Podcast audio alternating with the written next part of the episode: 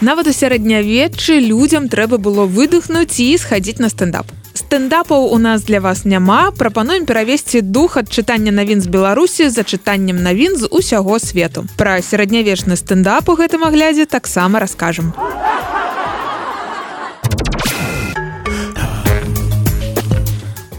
Сачыць за чужымі выбарамі ўсё што мы можемм сабе дазволіць напружаная турэцкая электаральная кампанія скончылася але ў нас ёсць для вас новыя цікавыя выбары усё яшчэ чужыя. Сацыялісты прэм'ер-міністра іспаніі педра санчеса прайгралі на рэгіянальных і мясцовых выбарах кансерватарам. І санчес аб'явіў датэрміновыя парламенцкія выбары піша cnn урад санчеса быў адданым саюзнікам украіны накіроўваў у кіў танкі сістэмы спа і іншых іншую дапамогу. Унутры краіны ён прасоўваў прагрэсіўны парадак дня. Сімптаматычна, што Іспанія становіцца ўжо не першай, а чарговай краінай Еўропы, якая за апошнія гады робіць разварот у бок кансерватараў, пакуль на паўпаварота. Таму будзем сачыць за выбарамі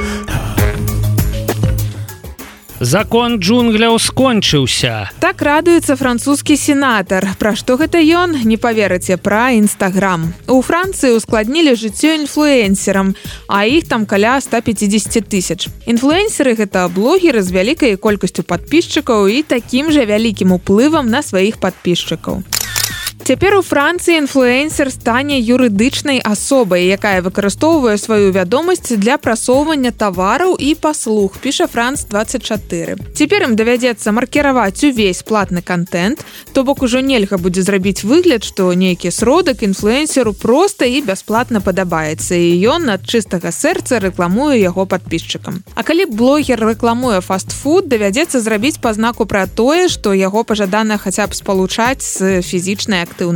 Нельга будзе рэкламаваць тытунь, паслугі касметычнай хірургіі, медыцынскія прылады, сайты ставак на спорт, крыптавалюты і іншае піша BBC. А за парушэнне гэтых правілаў можа пагражаць да двух гадоў пазбаўлення волі або штраф да 300 тысяч еўра.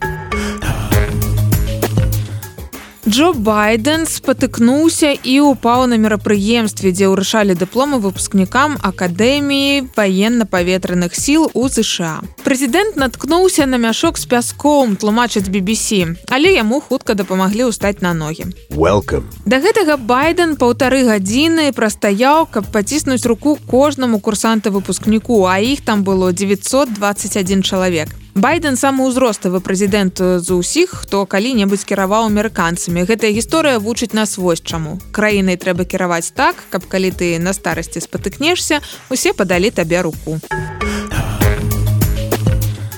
Пакуль вы лаялі ілана маска за тое што ён зрабіў з твіттером маск багацеў. І вось у рэйтынгу найбагацейшых людзей блумберга ён зноў выбраўся на першы радок. у На другім месцы апынуўся Бернар Арно, прэзідэнт групы кампаніі Луі Вітон, а на трэцім стваральнік Амазон Джеф Безас. Калі што маск нажыўся не на вашых блакітных галачках, за якія цяпер трэба плаціць, а на Тэсла яе акцыі выраслі з 23 -го года больш чым на 60соткаў. Індэкс мільярдэраў Блумберг гэта штодзённы рэйтынг самых багатых людзей свету, таму ўжо заўтра маск можа сысці з гэтай пазіцыі, але сёння можна за яго парадвацца мы звычайна не пачынаем наших навін. Са словаў аднойчы брытанскія навукоўцы вынайшлі але гэта будзе выключэнне. Таму што брытанскія навукоўцы даведаліся якім быў стендап у 15 стагоддзе пагадзіцеся пра гэта варта расказаць. Акадэмік кембриджскага універсітэта доктор Джеймс уэйт знайшоў рукапіс з якога вынікае. У сярэднявечных стендапах то бок у выступах міністрэляў высмейвалі каралёў і сялян і пераконвалі публіку напівацца. Жарты былі на мяжы і у іх не шкадавалі ніякія саслоўі невысокія не нізкія расказвае BBC.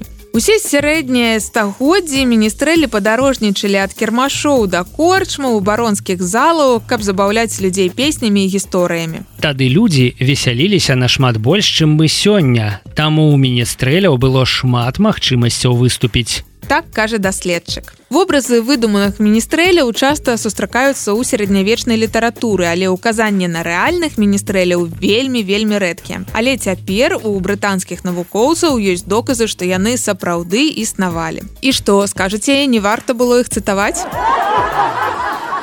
Інфармацыйная служба еўрарады у